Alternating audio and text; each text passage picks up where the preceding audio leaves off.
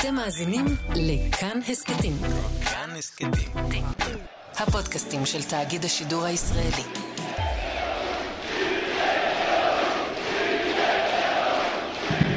היי, אני אורי לוי ואתם על שער. ז'יבה בלארוס, יחי בלארוס.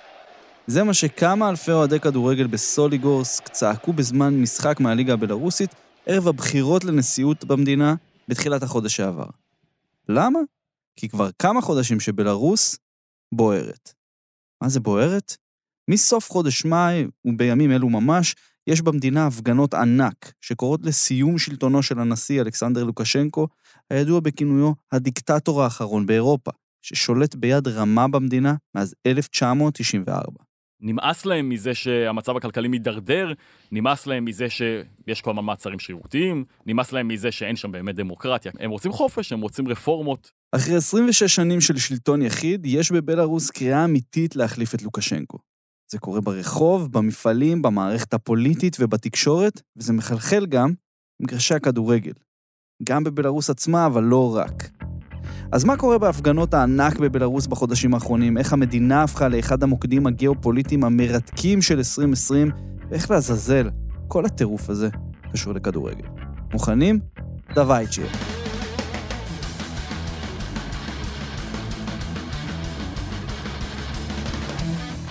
בפרק שהוקדש לכדורגל בזמן קורונה, פרק 26, דיברנו על הסיבות לזה שבלרוס הייתה אחת הליגות הבודדות בעולם שהמשיכו לשחק עם קהל ביציעים בזמן התפרצות הנגיף. איך יחד עם עוד מספר ליגות מצומצם, היא זכתה לרייטינג עולמי. והאמת, בימים המוטרפים של מרץ-אפריל 2020, מי מאיתנו לא צפה בקצת ליגה בלרוסית? הפופולריות של הליגה המשיכה לעלות, בעיקר בקרב מהמרים שלמדו להכיר דרך האינטרנט ליגה חדשה, נטולת קורונה כביכול, אבל עם חן מסוים ופולקלור ייחודי.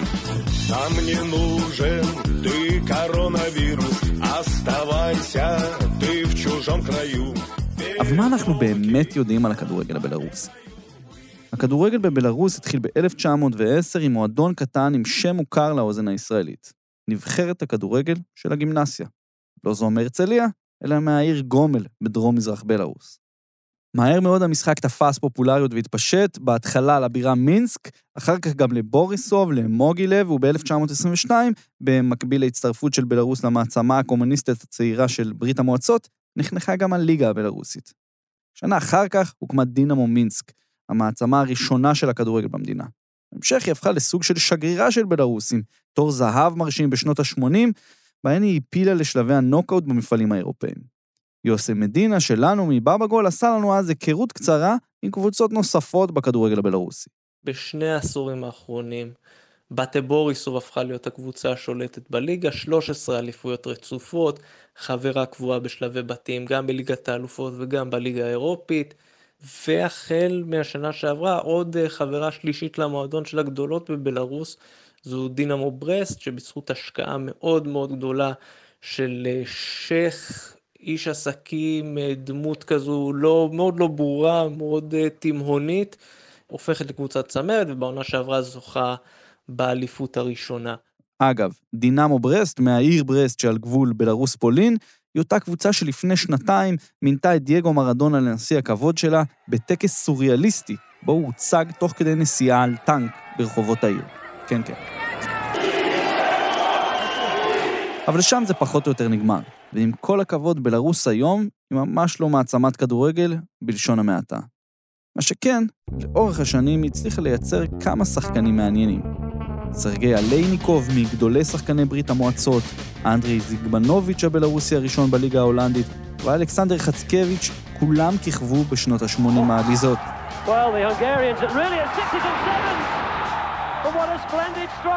אלכסנדר חלב, שכאמור שיחק בכמה מועדוני העל באירופה.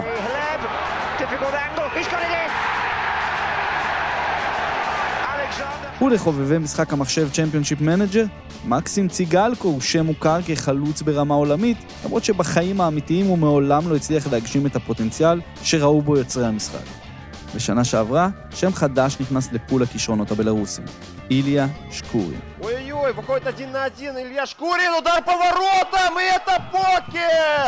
שקורין נחשב לילד הפלא של בלרוס כבר כמה שנים. יליד העיר ויטבסק, מלך שערי הליגה הבלרוסית לשנת 2019, עם 19 שערים ב-26 משחקים, נמנה על סגל נבחרת בלרוס, ובדצמבר האחרון חתם על חוזה ארוך בצסקה מוסקבה הרוסית. ההתחלה של שקורין בצסקה הייתה קצת חורקת. פגרת החורף הארוכה של הליגה הרוסית, יחד עם הווירוס שהגיע כמה חודשים אחרי שהוא נחת במוסקבה, תקעו את העונה שלו, בעצם מנעו ממנו לממש את הפוטנציאל בקבוצה החדשה שלו. במקביל, בבית בבלארוס, התחילו כבר ההפגנות, ברוסיה היו דיבורים על זה שהילד הולך לאיבוד. אבל אז, שקורין עשה מעשה. לפני שבועיים, באמצע חודש אוגוסט, הודיע באינסטגרם שלמרות שהוא חלק מהסגל של בלרוס למשחקים הבינלאומיים הקרובים, עכשיו, של ספטמבר, הוא לא מתכוון להתייצב לאימוני הנבחרת כל עוד אלכסנדר לוקשנקו הוא נשיא המדינה. ככה דוך לפנים. הפוסט של איליה לא זכה ליותר מדי תגובות, אבל למחרת במשחק נגד טמבוב, במחזור השני של הליגה הרוסית, שקורין כבש את שער הבכורה שלו בצסקה, שהיה גם שער הניצחון. הפוסט שלו התפוצץ.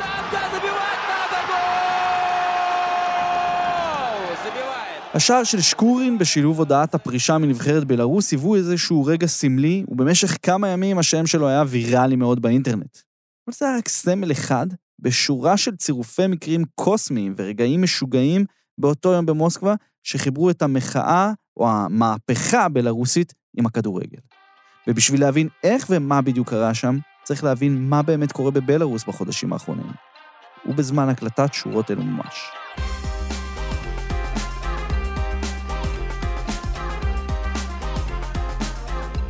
יואב זהבי הוא כתב לענייני חוץ של כאן חדשות, והוא מסקר את הסיפור הבלארוסי הנוכחי ממש מנקודת הפתיחה שלו.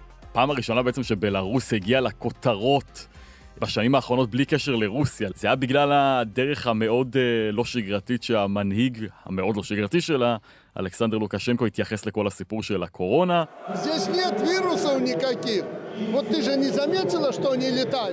אין דבר כזה קורונה וירוס, אמר אי אז במרץ אלכסנדר לוקשנקו לטלוויזיה המקומית, בזמן שהוא משחק הוקי קרח. זה כמובן לא היה נכון, אבל בבלארוס הכל המשיך כרגיל, וכדורגל היה אחד מחלונות הראווה החדשים והמרכזיים של המדינה. ואכן גם שידרו את זה בארץ, ובכל העולם כתבו על זה, באמת כל העיתונים הגדולים בעולם כתבו על הסיפור הזה.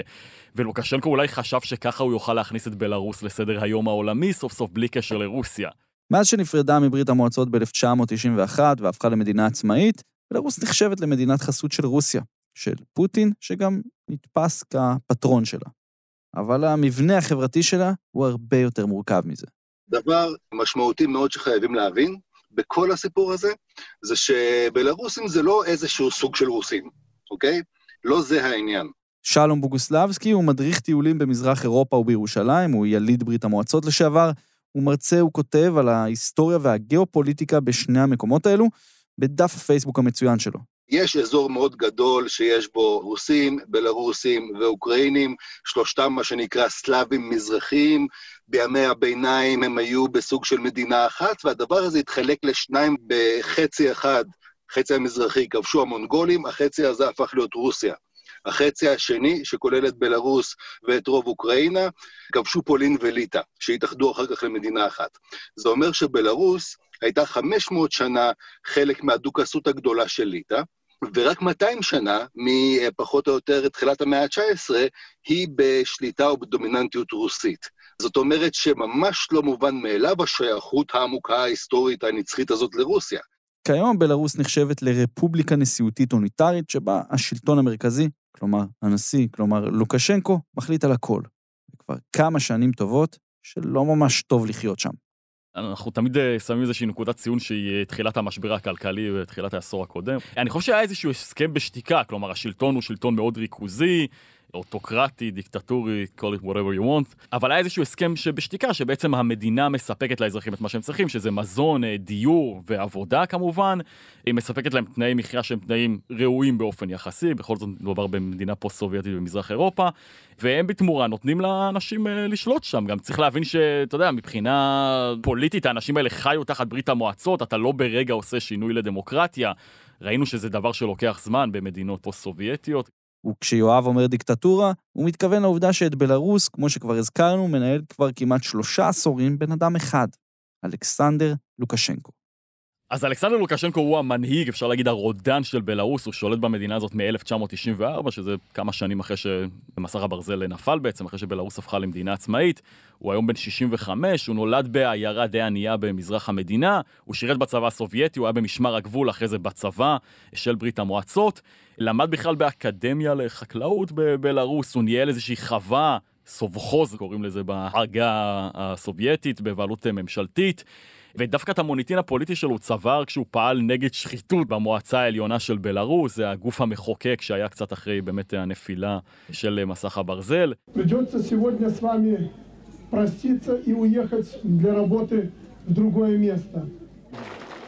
הוא נשוי, הוא אב לשני ילדים מאשתו, ויש דיבור שגם יש לו ילד נוסף מאישה. אחרת הוא לא חי עם אשתו לפי מה שאנחנו יודעים, ובעצם הוא ניצח בבחירות האמיתיות או השקופות היחידות שהיו בבלארוס ב-1994. מאז הוא החל אה, באמת להדק את האחיזה שלו בשלטון, והוא מנהל שם מדינה שמזכירה באמת יותר איזשהו שלטון אוטוקרטי, שמזכיר לנו באמת את ברית המועצות יותר. זה בעצם השריד היחיד שנשאר היום לברית המועצות, אפשר להגיד שזה בלארוס.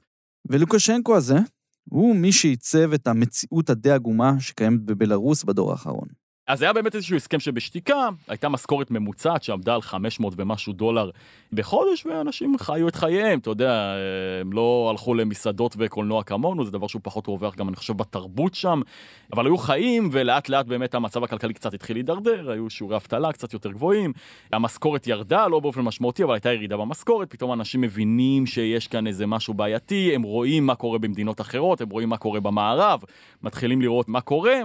ומבינים שאולי אה, יש כאן מקום לשינוי, אולי לא צריך שאותו שליט יעמוד בשלטון כל כך הרבה שנים, אולי יש מקום להפרדת רשויות לא רק על הנייר, אלא בפועל הם בטח רואים מה קורה אצל השכנות שלהם, פולין וליטא, והם מחפשים, מחפשים שינוי, מבינים שעובדים עליהם בעיניים. ואז התפוצץ הנגיף, ולאנשים נפל האסימון. ובעצם העם לא טיפש, בואו נגיד ככה, אנשים ראו שיש קורונה בעולם, המדינה הזאת בכל זאת היא אומנם סגורה, אבל יש גישה לעולם, אפשר לטוס למקומות, אפשר לצרוך תקשורת, יש גם טיסות מישראל אגב, ואנשים הבינו שכנראה עובדים עליהם פה קצת עם כל הסיפור של הקורונה, כי יש קורונה, הם רואים מה המדינות עושות, אבל לוקשנקו כל הזמן ניסה להציג את עצמו כמנהיג המרפא. בכל העולם יש קורונה, אצלנו אין, אני מחזיק פה את המדינה, הכל בסדר. ובאמת גם הבלארוסים בהתחלה לא כל כך דיווחו על נדבקים, היום כבר יש שם יותר מ-60 אלף איש שנדבקו. ובדיוק באותו אופן, הליגה הבלארוסית המשיכה על מי מנוחות. האלופה דינמו ברסט פתחה את העונה בצליעה, כמו גם באטה בוריסוב. אלא שבאטה התאוששה וחזרה לצמרת, יחד עם קבוצות מפתיעות כמו טורפדו ז'ודינו, אנרגטיק ושחטיור סוליגורסק, שכולן התחרו בצמרת.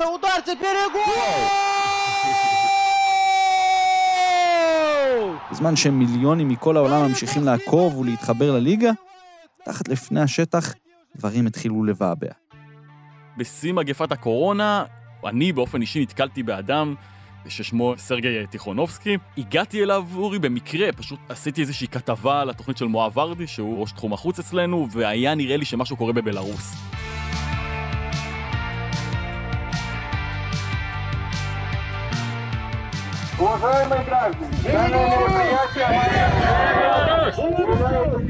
במהלך חודש מאי, יואב רפרף ברשת כדי להבין קצת מה קורה בבלארוס, וחקר על העשייה של סרגי טיכנובסקי. ואז ראיתי פתאום מחאה שקוראים לה מחאת הכפכפים. אתה רואה מאות אנשים שיוצאים לרחוב במינסק עם כפכפים. ואני אומר לעצמי, למה אנשים יוצאים לרחוב עם כפכפים ונעלי בית? ומתברר שסרגי טיכונובסקי, שהוא בעצם הדמות האופוזיציונית הכי בולטת בבלארוס, הוא פוליטיקאי? הגיע...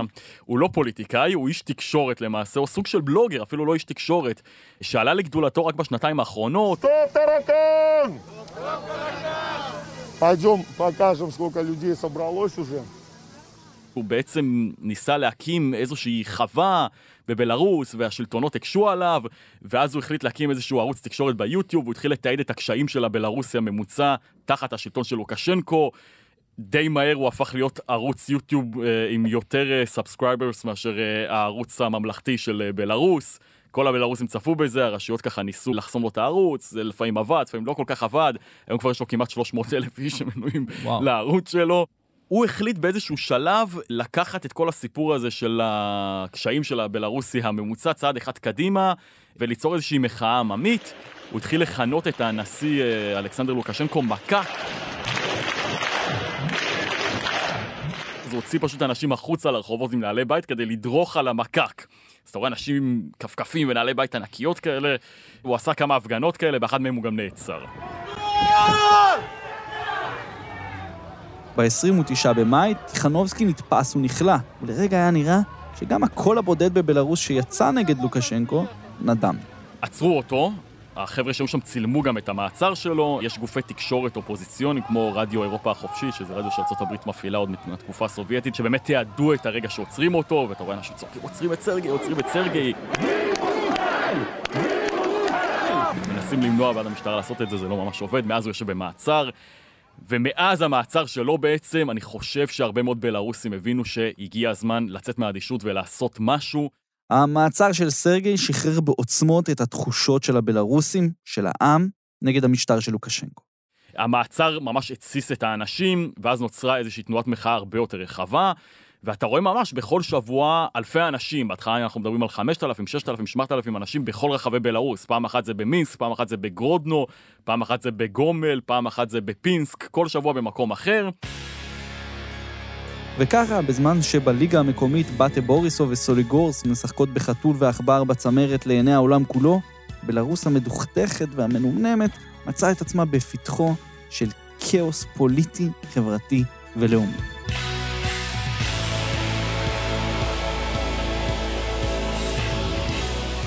אז מי הם הבלרוסים האמיצים חוץ מסרגי טיכנובסקי, שהיו מוכנים לצאת נגד הדיקטטור האחרון של אירופה? יש שני מתמודדים שמנסים אה, לרוץ לנשיאות נגד לוקשנקו. אחד מהם שמו ויקטור בבריקה, השני שמו ולרי צפקלו. ניסיתי לבדוק מה הרקע של האנשים האלה, מתברר ששניהם היו מקורבים לשעבר של לוקשנקו, הם חצו את הקווים באיזושהי דרך. צפקלו גם יש לו איזה קטע כלכלי שמלווה אותו, כי הוא האיש שהקים את פארק ההייטק, שזה מין בועה כזאת שהבלרוסים ניסו לעשות כדי למשוך השקעות זרות. והחבר'ה האלה התמודדו נגד לוקשנקו, ניסו להתמודד ליתר דיוק, אבל להתמודד בבחירות לבלארוס אתה יכול לתאר לעצמך זה לא דבר כל כך קל, אז באמת שניהם נפסלו בסופו של דבר, כל פעם זה היה תירוץ אחר, פעם אחת לא השגת מספיק חתימות, למרות שהוא כן השיג, פעם שנייה עצרו את הבחור השני על התערבות זרה, כל פעם זה משהו אחר. וראיינתי את ולרי צפקלו באמת קצת אחרי שפסלו אותו, והוא אמר שהוא באמת מרגיש שמשהו קורה כאן במדינה הזאת. Now, you know, just, uh, our society woke up and you know the uh, activity of the young people, especially young people, is also very high because... כמה ימים אחרי שדיברנו הוא ברח משם כי הוא פחד שיעצרו גם אותו. השני השתחרר אגב, בבריקה ישב משהו כמו חודש במעצר, ואז הוא השתחרר גם. אז יש לנו בעצם שלושה אנשים שהם היו uh, הפנים של האופוזיציה בבלארוס. יש לנו את סרגי טיכונובסקי שהוא האיש בעצם, בלעדיו לא היה מה שקורה עכשיו בבלארוס. יש לנו את ולרי צפקלו, ויש לנו את ויקטור בבריקו. שלושתם ניסו לרוץ, שלושתם נפסלו. וכאן הדברים הפכו למעניינים במיוחד, כי פסילתם של שלושת המועמדים הגברים הביאה למצב שבו מי שתפסו פיקוד על המחאה הזו בבלארוס היו נשים. שלוש נשים שמקורבות לשלושתם הן אלה שהיו בסופו של דבר הפנים של האופוזיציה.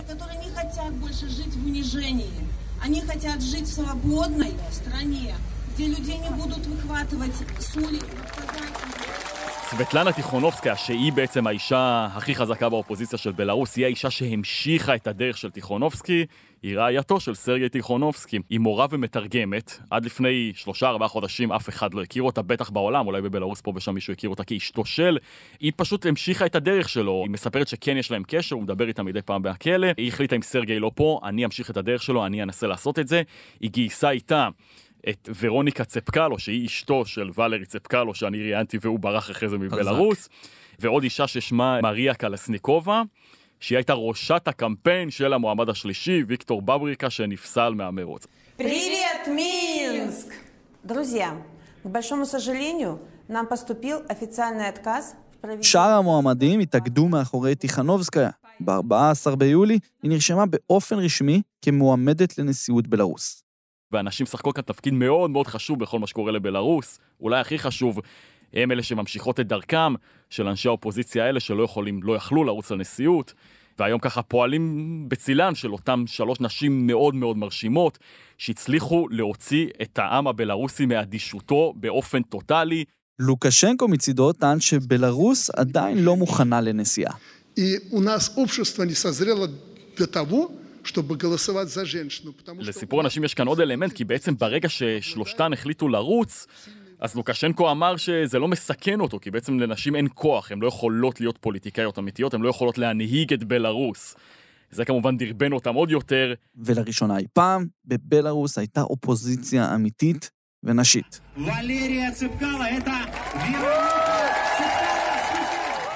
הכל כמובן התחיל בתיכנובסקי, אבל אם הן לא היו ממשיכות לעשות את זה ככה, בלרוס לא הייתה נראית היום כמו שהיא נראית, וכל התמורות החברתיות הבאמת מעניינות שמתרחשות שם לא היו קורות אם לא סיפקה לו את טיכונובסקיה, את קלסניקובה. אני לא חושב שאי פעם בהיסטוריה הייתה מהפכה שהיא עד כדי כך ספוגה בהובלה נשית וסגנון נשי ובולטות של נשים. העניין הזה ספוג מגדרית באופן שהוא מוגזם בכלל, כן? כאילו, אה, זה, זה אף, אה, אף אה, פרופסור למגדר לא היה יכול להמציא כזה דבר אפילו, כן? בתנופה אדירה ועם תמיכה של מאות אלפים ברחבי המדינה, סבטלנה טיכנובסקיה התכוננה ליום הבחירות תקווה לתוצאה היסטורית.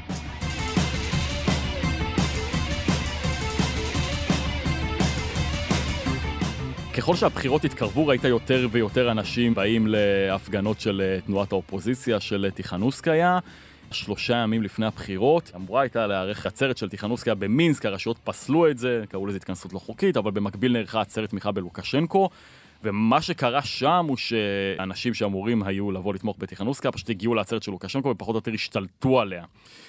ובתוך זה נוצר סיפור מדהים. שני אנשים, שמם ולד סוקולובסקי והשני הוא קיריל גלנוב, הם תומכים של טיכנוסקה והם די-ג'ייז. הם הגיעו לעצרת הזאת, הם השתלטו שם על העמדה של הדי-ג'יי וניגנו את השיר שינויים, השיר של ויקטור צוי. Расскажите, расскажите чему? Мы хотим перемен. זה בעצם שיר מחאה, ומה שקרה הוא שהאנשים שהגיעו למפגן התמיכה בלוקשנקו בעצם רקדו ומחאו כפיים כשהם שמעו את השיר הזה. והשיר הזה הפך להמנון של ההפגנות בבלארוס. השיר הזה, פרימן, שינוי, אף אחד לא תכנן שהוא יהפוך להמנון, כן? שלום נזכר עד כמה פרמן היה פופולרי בסוף שנות ה-80, ערב נפילת הגוש הסובייטי. כשהיינו תיכוניסטים וגילינו כל מיני מוזיקה ועפנו עליה, וזה כאילו היה בעוצמות שעכשיו בזקנתנו קשה לנו להבין בכלל מאיפה זה הגיע. עכשיו, קח את העוצמות האלה, תכפיל אותם פי מאה. בברית המועצות, מוזיקה מערבית הייתה דבר אסור, ולהקשיב ללהקות וזמרי רוק כמו ויקטור צוי היה מתכון לצרות. אבל לפני 33 שנים, לצוי ולשיר שלו, התזמון מושלם. הוא הגיע בדיוק בזמן שברית המועצות השתנתה, בשנות ה-80, והתחילה להיפתח. וההיפתחות הזאת, שניסו מאוד, גורבצ'וב מאוד ניסה לעשות אותה מבוקרת, לא הצליחה, כן? ו- וכל הדבר הזה התפרק לו בין הידיים, וברית המועצות התפרקה, וכל האימפריה הזאת נפלה. ברמה מאוד uh, עמוקה, אנשים עושים את הקישור בין תרבות הפופ וכל הלהקות רוק האלה, החצי מחתרתיות שפרחו אז. זאת אומרת, הם כבר לא, כבר אף אחד לא צריך להגביל אותם. ויקטור צוי ואחרים היו בגדול הסאונדטראק של התמוטטות ברית המועצות. זאת הייתה המוזיקה שליוותה את התמוטטות הגדרות של הגולאג.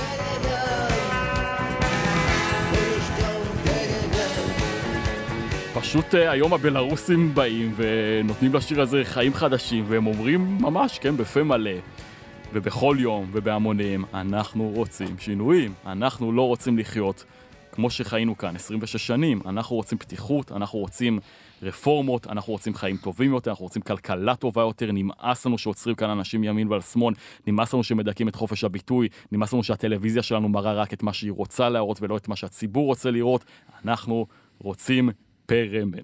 ומה עלה בגורלם של ולאד וקיריל, שני הדי-ג'אים האמיצים? תוך דקה בערך המאבטחים במקום הגיעו, יש קטעי וידאו של זה, הם ניתקו את הרמקולים של החבר'ה האלה שתקלטו שם, שניהם נעצרו במקום.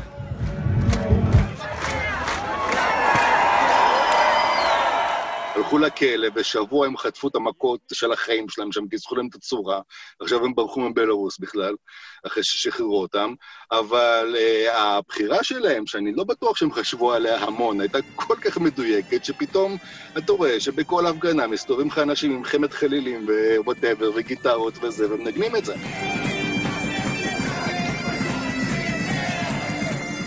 וממש תוך שנייה הם הפכו לגיבורים, כלומר אתה רואה גרפיטי שלהם בבלארוס, על כל מיני קירות ועל ארונות חשמל וכולי, אז צץ גרפיטי ואז באים הרשויות של העירייה ומוחקים את הגרפיטי, ואז צץ במקום אחר, שוב באים ומוחקים את הגרפיטי. אז החבר'ה האלה ברגע הפכו לגיבורים ופוסטרים שלהם, וכמובן ממים באינטרנט שקשורים להם. התנועה הזאת של הניצחון הפכה ממש למזוהה איתם, יש איזה פריים מסוים שרואים אותם עומדים ומניפים את שתי הידיים, וזה הפך להיות התמונה האיקונית שלהם. הדבר הזה הצית עוד יותר את האנשים שתמכו באופוזיציה. וככה, ב-4 באוגוסט יצאו לדרך הבחירות בבלארוס. חשוב להגיד, הבחירות במדינה מתקיימות לאורך ארבעה ימים מלאים ושני סיבובים. והיה ברור שלוקשנקו בעצם הולך לנצח. השאלה הגדולה באמת הייתה מה יקרה אחרי זה. אז דיברתי הרבה פה עם חבר'ה בלרוסים בארץ, והם אמרו לי, תשמע, זה לא ייגמר בבחירות, זה, הבחירות זה רק יריית הפתיחה, מה שנקרא. ואתה רואה את יום הבחירות, אתה בעצם מקבל אה, תמונה של אה, זיופים מוחלטים. אתה רואה ראשי אה, ועדות בחירות בכל מיני ערים שנעצרים, כי הם לא מסכימים לחתום על הפרוטוקול. התיבה של הקלפי היא שקופה.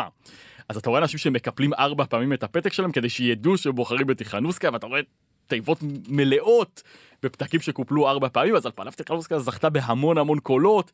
כל הקולות האלה פחות או יותר נעלמים, אתה רואה למשל קטע וידאו של אישה שיורדת עם שקים דרך סולם באיזשהו בית ספר מהקלפי שם, וזורקת את השקים לפח, כל מיני דברים מאוד מאוד מוזרים, אין שקיפות כמובן, אין פיקוח חיצוני על הבחירות האלה, אף מדינה כן. או אף ארגון בינלאומי לא שלח משקיפים, לוקשנקו לא מסכים בכל ארבע או חמש מערכות הבחירות האחרונות לשלוח משקיפים לבלארוס. באותם ימים הליגה הבלארוסית המשיכה לרוץ כרגיל, ללא פגרה ובלי הגבלת קהל, לא נרשמה אף תקרית שקשורה לתסיסה הפוליטית הרחבה שהתרחשה במדינה. אבל יומיים אחרי תחילת ההצבעות, ב-6 באוגוסט, זה קרה. תנועת המחאה נגד לוקשנקו קיבלה ביטוי ראשון ומהדהד ביציעים בסוליגורסק. את הפרק הזה פתחנו עם קריאת האוהדים הזו מהמשחק של סוליגורסק נגד ברסט, ז'יבה בלארוס, יחי בלארוס. והקריאה הזו היא היסטורית ובעלת משמעות רחבה הרבה יותר ממה שנדמה. הסיסמה הזאת מאוד מקושרת למרד שהתרחש ב-1863. זאת אומרת שכמה עשרות שנים אחרי חלוקת פולין, אחרי שרוסיה בעצם משתלטת על החלק הגדול של פולין, שכולל גם את בלרוס, כמה עשרות שנים אחר כך האינטליגנציה הפולנית, וגם הליטאית וגם האוקראינית, כן, הדברים האלה עוד לא לגמרי נפרדים באותו זמן, פותחים במרד, במלחמה, במלחמת גרילה, נגד הצאר הרוסי. ובתוך הסיפור הזה יש את הסיסמה הזאת של תחי בלרוס, ז'יבה בלרוס, אוקיי? זאת אומרת, זו סיסמה שהיא בגדול סוג של הכרזת עצמאות. זאת אומרת, כשבבלרוס מישהו צועק ז'י ובלרוס, הוא בעצם מערער על כל הסדר הקיים. הוא בהכרח מערער על לוקשנקו ועל הקשר של בלרוס לרוסיה. בדיוק בגלל זה, אחרי המשחק, ההתאחדות הבלרוסית הודיעה על השעיית הליגה עד להודעה חדשה. אתם קולטים? לא וירוס קורונה היה מה שעצר את הכדורגל הבלארוסי בשנת 2020, אלא מחאה עממית אמיתית, שהתחילה ברחוב, זלגה לתוך היציאה, כנגד הנשיא ששולט במדינה כמעט 30 שנה. יומיים אחר כך, הגיעו תוצאות הבחירות. מגיע הערב, כלומר העסק מתפקד, אתה לא רואה מחאות המוניות, העסק עובד בסגנון הדיקטטורי. אלכסנדר לוקשנקו, 79.7%. לקראת ערב, נדמה לי שזו הייתה שעה 8 או 9 בערב, מדגם הטלוויזיה מבשר על ניצחון מוחץ ללוקשנקו, כמעט 80 אחוזים. כמה דקות אחרי המדגם כבר הרחובות בוערים לגמרי.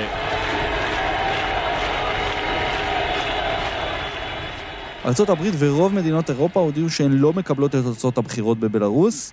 האיחוד האירופי אמר שהן לא כשרות. ואם ככה התקבלו התוצאות ברחבי העולם המערבי, תארו לכם את הלך הרוח אצל העם הבלארוסי.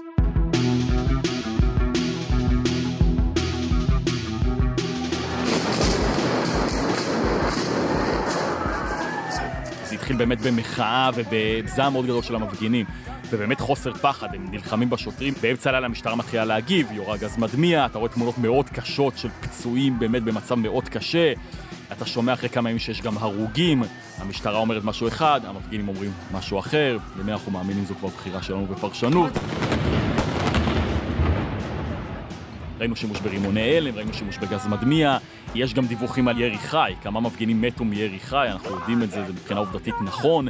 ראינו עינויים, אנשים שנשלחים למעצר ומענים אותם, אני גם ראיינתי אדם כזה ישראלי שנעצר שם ועינו אותו בדרכים שאתה קשה באמת לתאר. מה הוא מספר?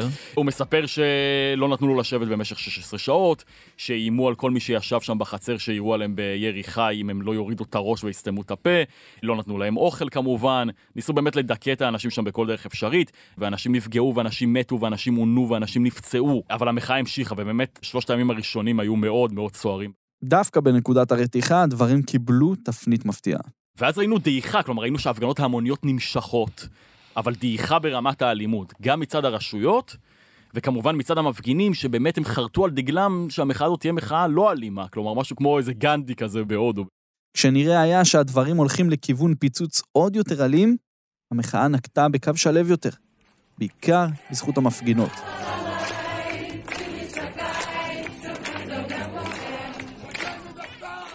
ובימים הראשונים, שאחרי הריסוק האלים של המחאה, אחרי הבחירות, אתה ראית שרשראות אדירות של סולידריות רק של נשים שהגיעו למקום למשל, לתחנת המטרו שהמפגין הראשון נהרג שם אחרי שהמשטרה ירתה בו, עושות שרשראות אדירות של סולידריות, כולם אוחזות בפרחים, ואתה רואה את זה בכל רחבי המדינה, בכל הערים כמעט במדינה, ומתוך העוצמה הזאת, הסולידריות הנשית הזאת, גם האלמנט של הפרחים פתאום נהיה מאוד מאוד חזק.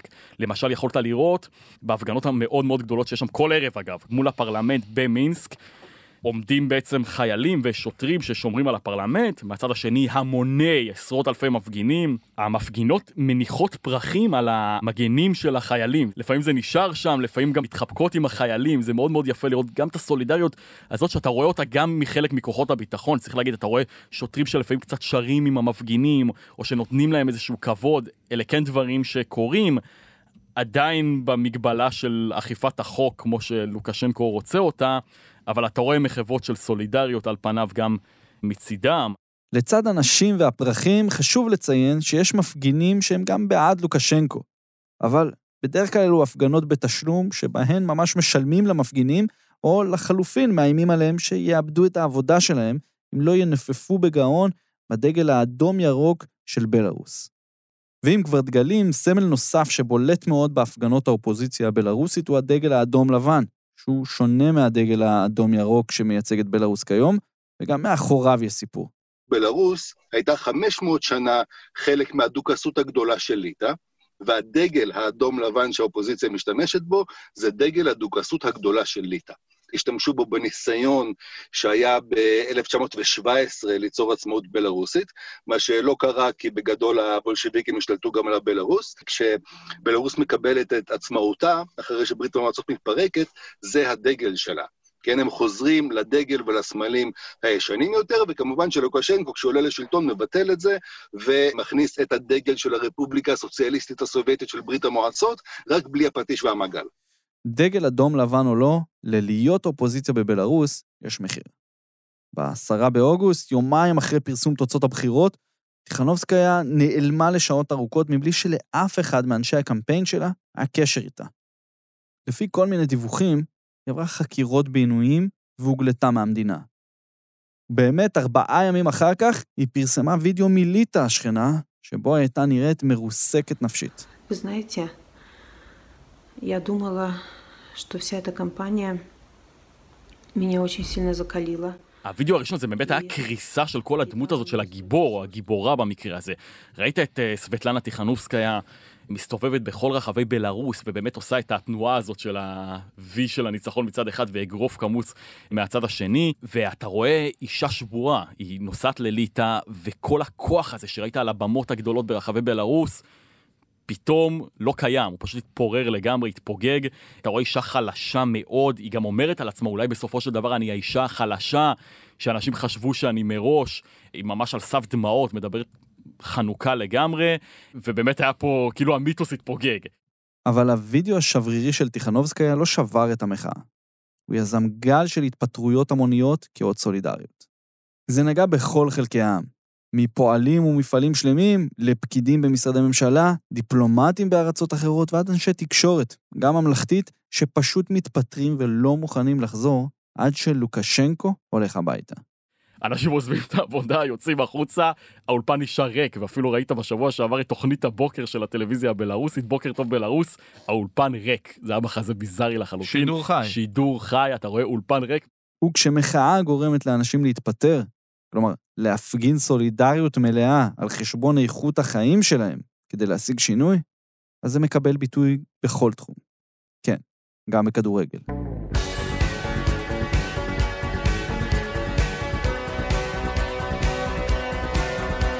ביום שבת ה-15 באוגוסט, צסקה מוסקבה אירחה את טמבוב במסגרת המחזור השני של הליגה הרוסית לעונת 2020-2021.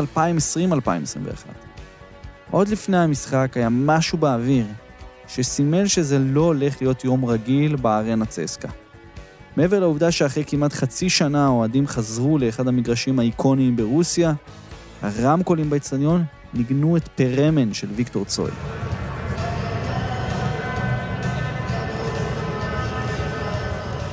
המנון המחאה הבלארוסי התנגן לו כביכול כמוזיקת רקע שמכניסה את הסובבים לאווירת המשחק.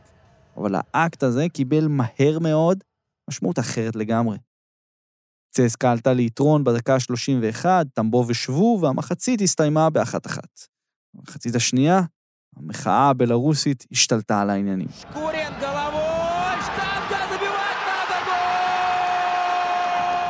איליה שקורין, אותו כישרון בלרוסי צעיר, שערב לפני כן הודיע באינסטגרם על פרישה מנבחרת בלרוס עם תמונה שלו עטוף בדגל האדום-לבן של תנועת המחאה, כבש שער בכורה ועשה 2-1 לצסקה. הרמקולים שוב ניגנו את פרמן של ויקטור צוי, ואוהדי צסקה, כמחווה לשקורין הצעיר, שרו ז'י ובלרוס. כן, כן, אותה קריאה מהפגנות הענק בבלרוס. יחי בלרוס, רק הפעם בלב מוסקבה. צסקה ניצחה 2-1, ואחרי המשחק מאמן הקבוצה, ויקטור גונצ'רנקו, שהוא בלרוסי בעצמו, אמר שהאלימות של השוטרים כלפי המפגינים בבלרוס היא בלתי מתקבלת, ושהמשטרה צריכה להגן על העם ולא להרביץ לו. אבל שלא תחשבו שזה עבר בשקט. אוהדי צסקה ששרו ג'י ובלרוס נעצרו אחרי המשחק והורחקו מהמגרשים ל-18 חודשים. כניסה של המחאה הבלרוסית אל תוך הכדורגל הרוסי בצורה כל כך ברורה וללא פילטרים, היא דבר מעניין. בטח כשמנסים להבין את המצב בין רוסיה לבלרוס, בין נשיא רוסיה ולדימיר פוטין ללוקשנקו, אולי להבין את המשמעות של שחקן נבחרת בלרוס, שכובש במדי המועדון המפורסם ביותר ברוסיה. כאן אנחנו באמת נכנסים למשחק הגיאופוליטי של מה בעצם רוסיה רוצה, ברור שרוסיה לא רוצה שינויים פרו-מערבים או פרו-דמוקרטיים כן. בבלארוס. פוטין אני לא יודע אם באופן ספציפי משנה לו אם יש שם לוקשנקו או איזה סוג אחר של לוקשנקו. לפי מה שאני מבין פוטין יושב ככה בקרמלין ודי מחכך ידיו בהנאה שהוא רואה את לוקשנקו בא אליו על ארבע כי בין לוקשנקו לפוטין יש איזושהי מתיחות. בעצם יש איזשהו הסכם בין רוסיה לבלארוס. הרוסים רואים את הבלארוסים כעם הקרוב ביותר אליהם מבחינה תרבותית במרחב הפוסט-סובייטי, ויש איזשהו הסכם לאיחוד עתידי בין שתי המדינות האלה, כלומר שבלארוס תהיה חלק מרוסיה גדולה. לוקשנקו לא רוצה באיחוד הזה, זה יצר מתיחות בינו לבין פוטין, היה שם גם איזשהו סכסוך שקשור להעברה של צינורות גז, שזה כמובן גם פגע בכלכלה הבלארוסית, שהיא לא יכולה לקבל את הגז מרוסיה, אז השניים האלה הם כאילו על פניו חברים טובים, בפועל יש ביניהם מתיחות די גדולה. רוסיה היא לא המקום היחיד בו המחאה הבלארוסית קיבלה ביטוי בכדורגל. ראינו למשל משחק של שלאסק וורצלב בפולין, ראינו דגל ענק של האופוזיציה בבלארוס ביציע של האולטרס של וורצלב. הפולנים מאוד מחוברים במידה זו או אחרת לבלארוסים, הם מפמפמים שם את השינוי. האם אנחנו קשורים למזרח ולרוסיה או למערב ולפולין ולליטא? לוקשנקו וגם פוטין מאשימים את פולין וליטא שהם בכלל מאחורי ההפגנות האלה. ואולי כדי להרגיע את המחאות, בבלארוס החזירו את הליגה לפעילות. אבל ניחשתם נכון, ללא קהל, מחשש להתלקחות נוספת של המחאה ופתיחת חזית חדשה עם המפגינים במדינה, האצטדיונים. בהיעדר אוהדים שמוחים באצטדיון, השחקנים הבלארוסים הביעו עמדה ברורה במאבק על עתיד בלארוס. אתה רואה למשל את המשחק של שחטיור סוליגורסק נגד איסלוך, איסלוך ניצחו 4-2, אה, אחד השחקנים שלה ששמו ניקולאי יאנוש, כובש צמד, את השער הוא חוגג מול המצלמות כשהוא מניף ביד אחת את האגרוף, ביד השנייה וי סמל לניצחון.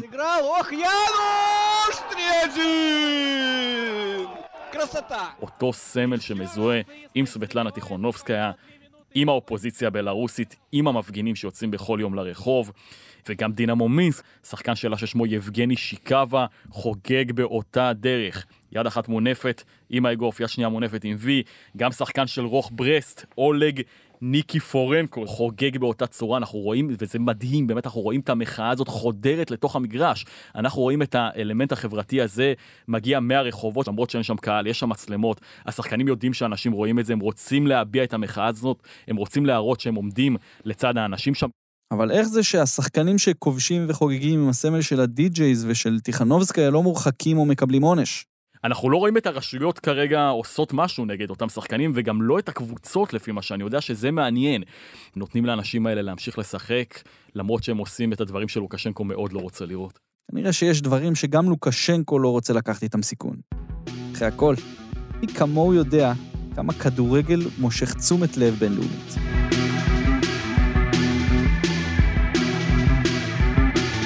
המחאה הבלארוסית עוד רחוקה מלהסתיים. אירוע מתגלגל שכל יום מתפתח, משתנה ומייצר עוד ועוד סיפורים נדירים. מאז שהקלטנו את הפרק, ההפגנות המשיכו ונראה שמדובר במלחמת התשה של שני הצדדים. מי יתעייף ראשון, לוקשנקו או המפגינים? וגם, אם וכאשר אחד הצדדים יוותר, איך יגיב פוטין? והאם בלרוס תהפוך לסוג של אוקראינה? האם היא תחזור ותתקרב לפולין ולליטא, שכנותיה או אחיותיה משכבר הימים? שוב, עוד מוקדם להגיד. אני לא חושב שאי פעם בעולם הייתה מהפכה כל כך לא אלימה, כל כך שלווה, כל כך עם good vibes וכל כך אה, מנומסת. האם זה טוב או רע להם אני לא יודע, אבל אה, זה מדהים עד כמה היא חיובית, כן, באופי שלה. וגם לא צריך להגזים ברומנטיקה. הכדורגל הוא לא הכוח המניע של המחאה הזו, אבל בהחלט יש לו חלק חשוב בהתפתחות שלה.